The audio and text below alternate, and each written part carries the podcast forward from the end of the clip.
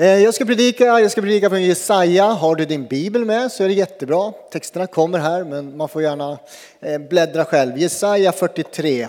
Eh, rubriken är Glöm det som förut var. Glöm det som förut var. Ehm, och så ska vi läsa Jesaja 43. Och jag börjar direkt där på en gång. Så från vers 14.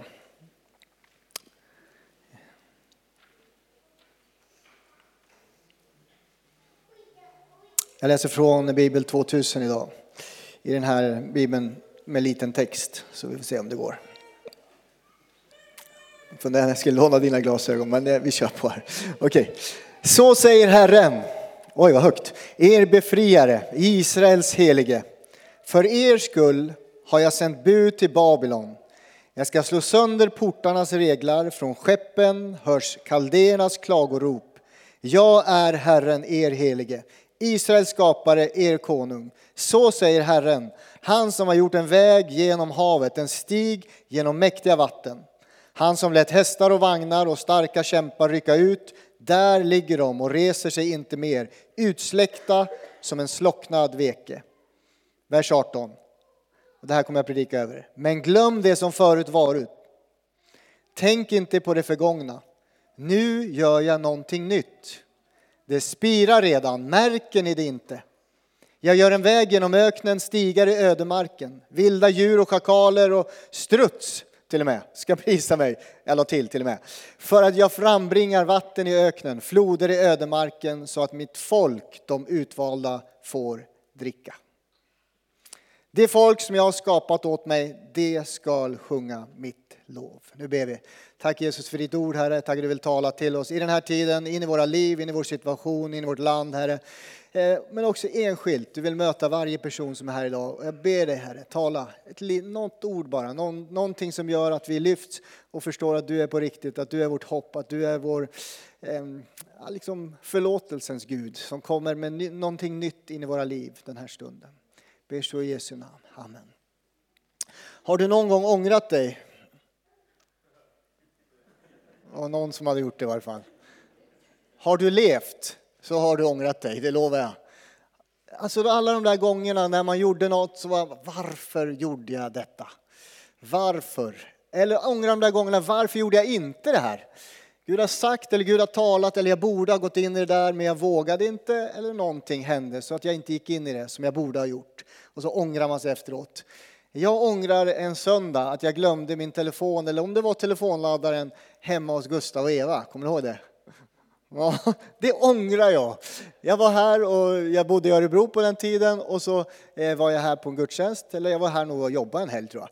Och så glömde, jag bodde alltid hos Gustav och Eva, ute där borta, ni vet den där krokiga vägen, grusiga vägen och så glömde jag min telefon, eller telefonladdare, jag kommer inte ihåg vad det var. Eh, det var på den tiden det var sådana här ja, klumpar till telefon. I varje fall, efter gudstjänsten så ska jag till Örebro, men så har jag glömt telefonen och det ångrar jag. Därför då fick jag bränna järnet hem till Gustav och Eva och på vägen därifrån så är ju Eva på väg hem från gudstjänsten och det är halt och jag kommer alldeles för fort och jag krockar med Eva. Våra bilar kolliderar på den där lilla vägen och jag ångrar så att jag glömde min telefon, att jag körde för fort, att jag inte bromsade tidigare. Men jag styrde faktiskt ner i diket, det gjorde jag till mitt försvar. Och jag studsade på en sten rakt in i sidan på deras bil. Eh, så gick det. Som tur var kände jag er, ni tyckte om mig och jag tyckte om er. Och det fanns försäkringar så allting löste sig. Men man ångrar saker i livet. Varför gjorde jag så där? Man ångrar saker från det förflutna. Hur ska man hantera sina misstag som man har gjort?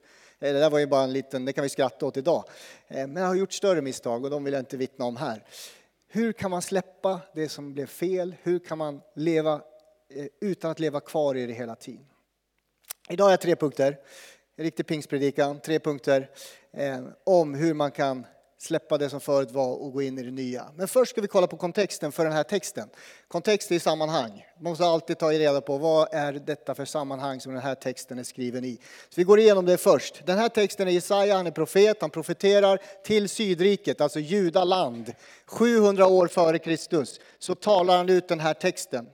Han profeterar om en tid över Israels folk som ska komma cirka 100 år senare än han faktiskt predik, eh, profeterar. Så på 700-talet profeterar han om en tid som ska komma på 600-talet och 670 år framåt. Så han är långt före det som ska ske. Han ser att Israels upproriskhet mot Gud kommer att få konsekvenser. De har börjat tillbe avgudar, de har börjat vara upproriska mot Gud, de följer inte eh, det som Gud har sagt att de ska följa. Och deras avgudadyrkan kommer att leda till att ett folkslag som är babylonierna kommer att invadera dem och föra bort folket. Det här har vi predikat mycket om nu i Daniels bok. Folket ska föras bort från sitt land från, till Babylon. Och han för bort Daniel, han för bort Hananja, Asarja och Mishael, Sadrak, Mesak och Abednego med många andra till Babylon.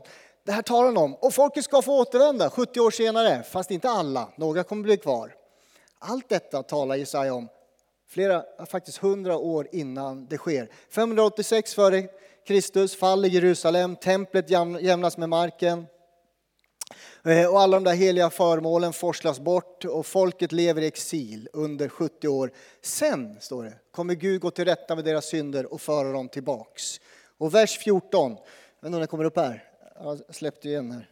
Jo, vers 14 står det så här. Så säger Herren, er befriare, Israels heliga. För er skull har jag sänt bud till Babylon. Jag ska slå sönder deras portars reglar. Från skeppen hörs kaldéernas klagorop. Vad är det här? Babylonierna var inte ens ett, ett, eh, ett stort folk på den här tiden. De var inte, när Jesaja profeterar så var Babylon inte en stormakt. Han ser det långt tidigare. Babylon kommer att resa sig upp, men jag kommer att slå sönder deras portar och klagorop kommer att höras från kaldéerna. Alltså 100 år före det sker, 170 år före det sker, talar Jesaja om. Så här är Bibeln, full av profetiska tilltal och skrift hela tiden. Och det har vi sett tidigare, det talar även in i den här tiden. Men just den här texten är 100 år före till 170 år före. Ni i judaland, ni kommer göra uppror som jag sa. På grund av avgudadyrkan kommer allt detta ske. Men lyssna nu. Vers 18 säger så här.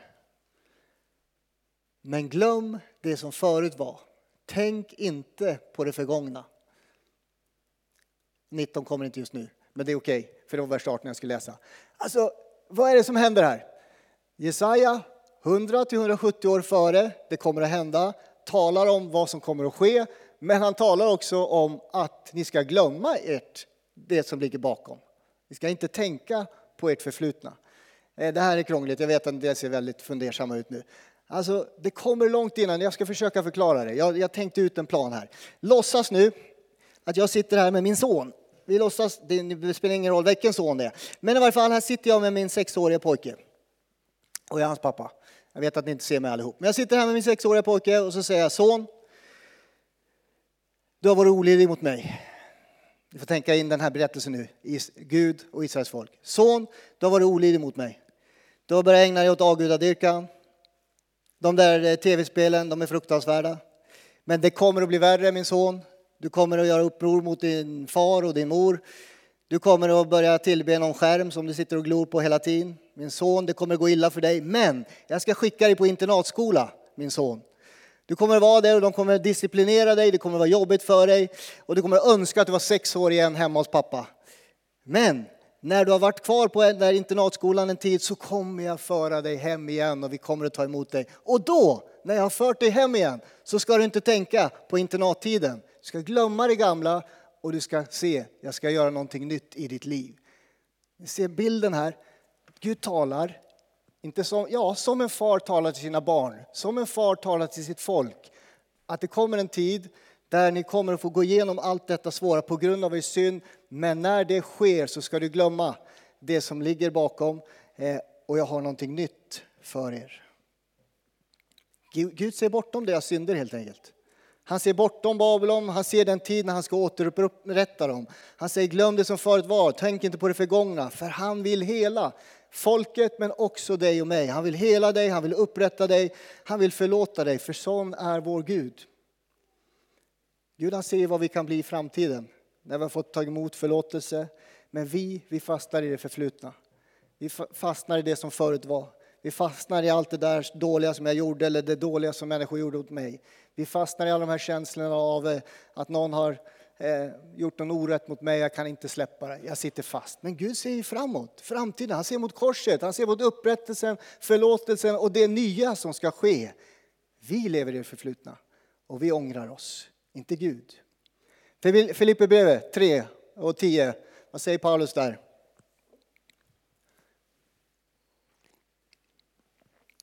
Han har gjort ganska mycket dåliga saker, det vet ni. Sen så här, jag vill lära känna Kristus och kraften från hans uppståndelse och dela hans lidande genom att bli lik honom i en död som hans. En lite annorlunda bön. Kanske jag då kan nå fram till uppståndelse från de döda. Tro inte att jag redan har nått detta eller redan har blivit fullkomlig, men jag gör allt för att gripa det nu när Kristus Jesus fått mig i sitt grepp. Bröder, jag menar inte att jag har det i min hand, men ett är säkert, jag glömmer det som ligger bakom mig, jag sträcker mig mot det som ligger framför och löper mot målet för att vinna det pris där uppe som Gud har kallat oss till genom Kristus Jesus. Paulus har perspektiv på sitt liv. Han har förföljt de kristna, han har varit med och dödat, mördat när Stefan och stenade. Han, är liksom, han har gjort så mycket dåligt men när Gud har fått honom i sitt grepp så är det inte det som är hans fokus. Alla ånger, allt han har gjort dåligt, allt som har hänt honom. Utan han sträcker sig mot det som ligger framför för att vinna det pris Gud har för honom där uppe. Han tillåter inte gamla synder att tynga ner honom så tungt att han inte kan fullborda sitt lopp. Och det budskapet idag till dig. Varför ska du glömma det gamla? Varför ska du glömma det förgångna, det förflutna? Därför att det tynger dig, så du kan inte fullborda loppet som Gud har för dig. Tre punkter. Hur gör man detta? måste vi gå igenom. Hur gör man detta? Nummer ett, glöm det som förut var. Jesaja 43.18, första delen. Glöm det som förut var. Hur kan man glömma det som har varit? Vad betyder det ens? Jag tror inte att det bara betyder glöm det, eller släpp det och glöm det. Jag tror att det betyder något annat. Det betyder inte att du inte kommer komma ihåg. Det betyder inte att, du kommer, att eh, minnena försvinner och raderas ut. Ibland kan det ske, men det, det är inte det det betyder. Jag tror att det betyder, låt det inte längre tynga dig, det du har varit med om. För då är det omöjligt att löpa loppet. Vers 25 står om hur Gud glömmer våra synder. Kommer vers 25 upp eller ska jag slå upp den? Jag kommer inte ihåg vad jag gav honom där uppe. vers 25, det står så här. Jag har den uppslagen. Och det är Gud som säger, jag är den som utplånar dina brott för min egen skull. Jag minns inte mer dina synder. Sån är Gud. Han är den som glömmer, han som vet allt och är allsmäktig. Han är, på något sätt så håller han inte det emot dig. Därför att Gud, han ser vad då? Han ser ju upp mot korset. Han ser ju på sonen, sin son. Han lägger tyngden av dina synder på korset, på sig, på sonen. Och så ser han upp på sonen och så säger han, jag håller inte längre emot dig. Om du bekänner dina synder så behöver du inte tynga ditt liv längre. De är glömda och de är gömda under blodet. Kom ihåg det. Varje synd du har gjort, det är inte ditt att, att, att komma ihåg. Och det är dags att glömma, släppa och låta dig lätta och inte vara tyngd av det längre. På samma sätt måste du glömma det som förut var. Glöm det som förut var. Jesaja 43.18. Nummer två. Tänk inte på det förgångna. Jag vet inte hur ni funkar, men det förgångna när man har gjort bort sig, man spelar ju upp det i huvudet gång på gång på gång på gång. Det bara mal. Och så tänker jag, varför blev det så här? Varför gjorde jag så här? Så, ibland kan det till och med bli värre än vad det var, för att man spelar upp det. Man tänker, man tänker, man tänker, man mediterar på det förgångna. Och Guds ord säger, tänk inte på det förgångna. Jag återupplever igen. Jag återlever, upplever traumat, känslorna, allting om det spelas upp i mitt inre gång på gång på gång. Sluta leva i det förgångna, säger Guds ord. Om du gjort fel, be Gud om förlåtelse. Sen vandra i den förlåtelsen. Nyckeln är förlåtelse. Gud, för, han förlåter dig för att han är förlåtelsens Gud måste lära oss att förlåta oss själva. Ibland är det vi själva som mal på varför. Gud har förlåtit men jag kan inte förlåta. Och då sätter vi oss över Gud. Om han säger jag har glömt dina synder och jag säger jag kan inte förlåta mig själv. Jag kan inte glömma, jag kan inte lämna. Så sätter man sig över Gud. Han har sagt jag har förlåtit dig, det är glömt, jag kommer inte längre ihåg. Om du upplever gamla misslyckanden, gammal synd kommer upp hela tiden, gamla sår, sluta leva i dem. Psalm 103 och 12. Så långt som öster är från väster förvisar han oss vår synd. Så långt som öster är från väster, jag vet inte vad öster och väster är här. Men kom ihåg, det står inte norr till söder. Varför då? Därför att om man går norrut så kommer man till en pool och när man har gått över norr så går man söderut. Eller hur? Man, man, men öster och väster liksom, tar ju inget slut. Det finns inget slut. Går jag österut, när är jag i väster? Jag går ju alltid österut. Men går jag norrut så kommer jag snart komma söderut. Gud vet vad han säger i sitt ord. Han säger så långt som öster är från väster, så långt är era synder från mig. Det är oändligt. Det är vi som plockar upp dem och lever i dem. Mika 7. Du förbarmar dig över oss på nytt och utplånar våra brott. Du kastar alla våra synder i havets djup. Det här är sånt som vår fader i himlen är. Han gör detta. Detta är vår vandring med honom. Att återuppleva gamla trauman är inte, det, det är inte därför du har minnen. Det är för att dra lärdomar, inte för att leva i det och dras ner av det igen. Det är för att dra lärdomar så att jag kan gå in i det nya som Gud har. Återupplev dem inte. Har du ångrat dig, bett om förlåtelse, så är de under blodet. På samma sätt om någon har syndat mot dig, för det kommer att ske i den här världen. Du kan inte leva kvar i det, gång på gång på gång. Samma sak gäller, förlåt. Liksom Herren har förlåtit er ska också ni förlåta, står det i Kolosserbrevet. Hur förlåter Gud? Han förlåter och glömmer. Eh, det kan vara en process, det kan ta tid, men någonstans måste du hamna i den situation då du säger jag håller inte längre emot dig. Känner inget längre, jag har förlåtit, jag har gått vidare. Det tynger mig inte längre. Det kan ta väldigt lång tid för vissa, men det är din inriktning att hela tiden vilja förlåta. Lev inte i det förgångna, förlåt så att du inte längre tyngs och orkar löpa det lopp du har. Kommer det till det tredje och sista. Nu gör jag något nytt. Det spirar redan, märker ni det inte? Jesaja 43 och 19. Nu gör jag något nytt, det spirar redan, märker ni det inte? Märker ni att Gud ställer en fråga? Märker ni inte vad jag gör?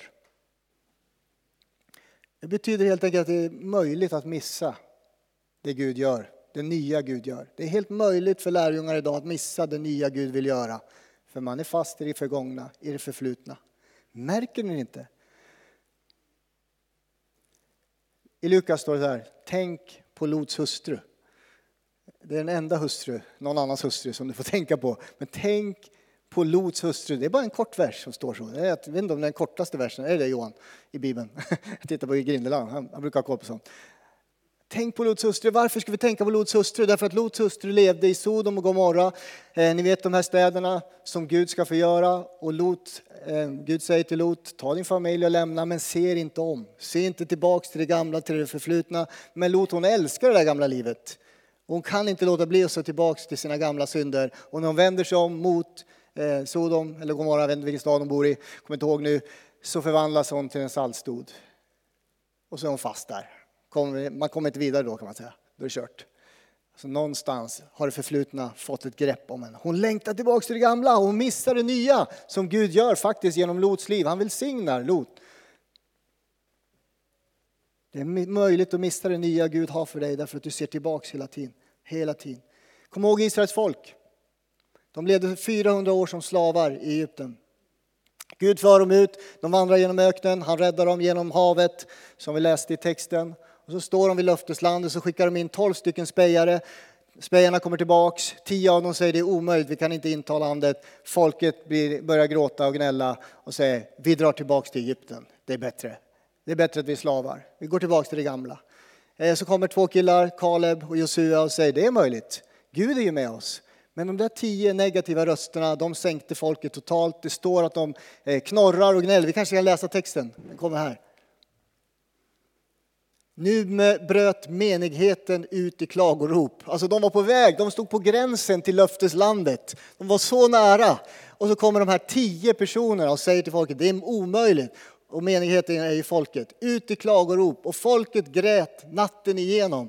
Alla israeliterna knotade, underbart ord, mot Mose och Aron. Hela menigheten ropade till dem, om vi ändå hade fått dö i Egypten eller här i öknen. Varför leder Herren oss till det, här land, till det här landet? Vi kommer att falla för svärdet och våra kvinnor och barn blir fiendens byte. Visst vore det bättre för oss att vända tillbaka till Egypten? Och de sa till varandra, nu tar vi saken i egna händer och återvänder till Egypten. Hur dum får man vara?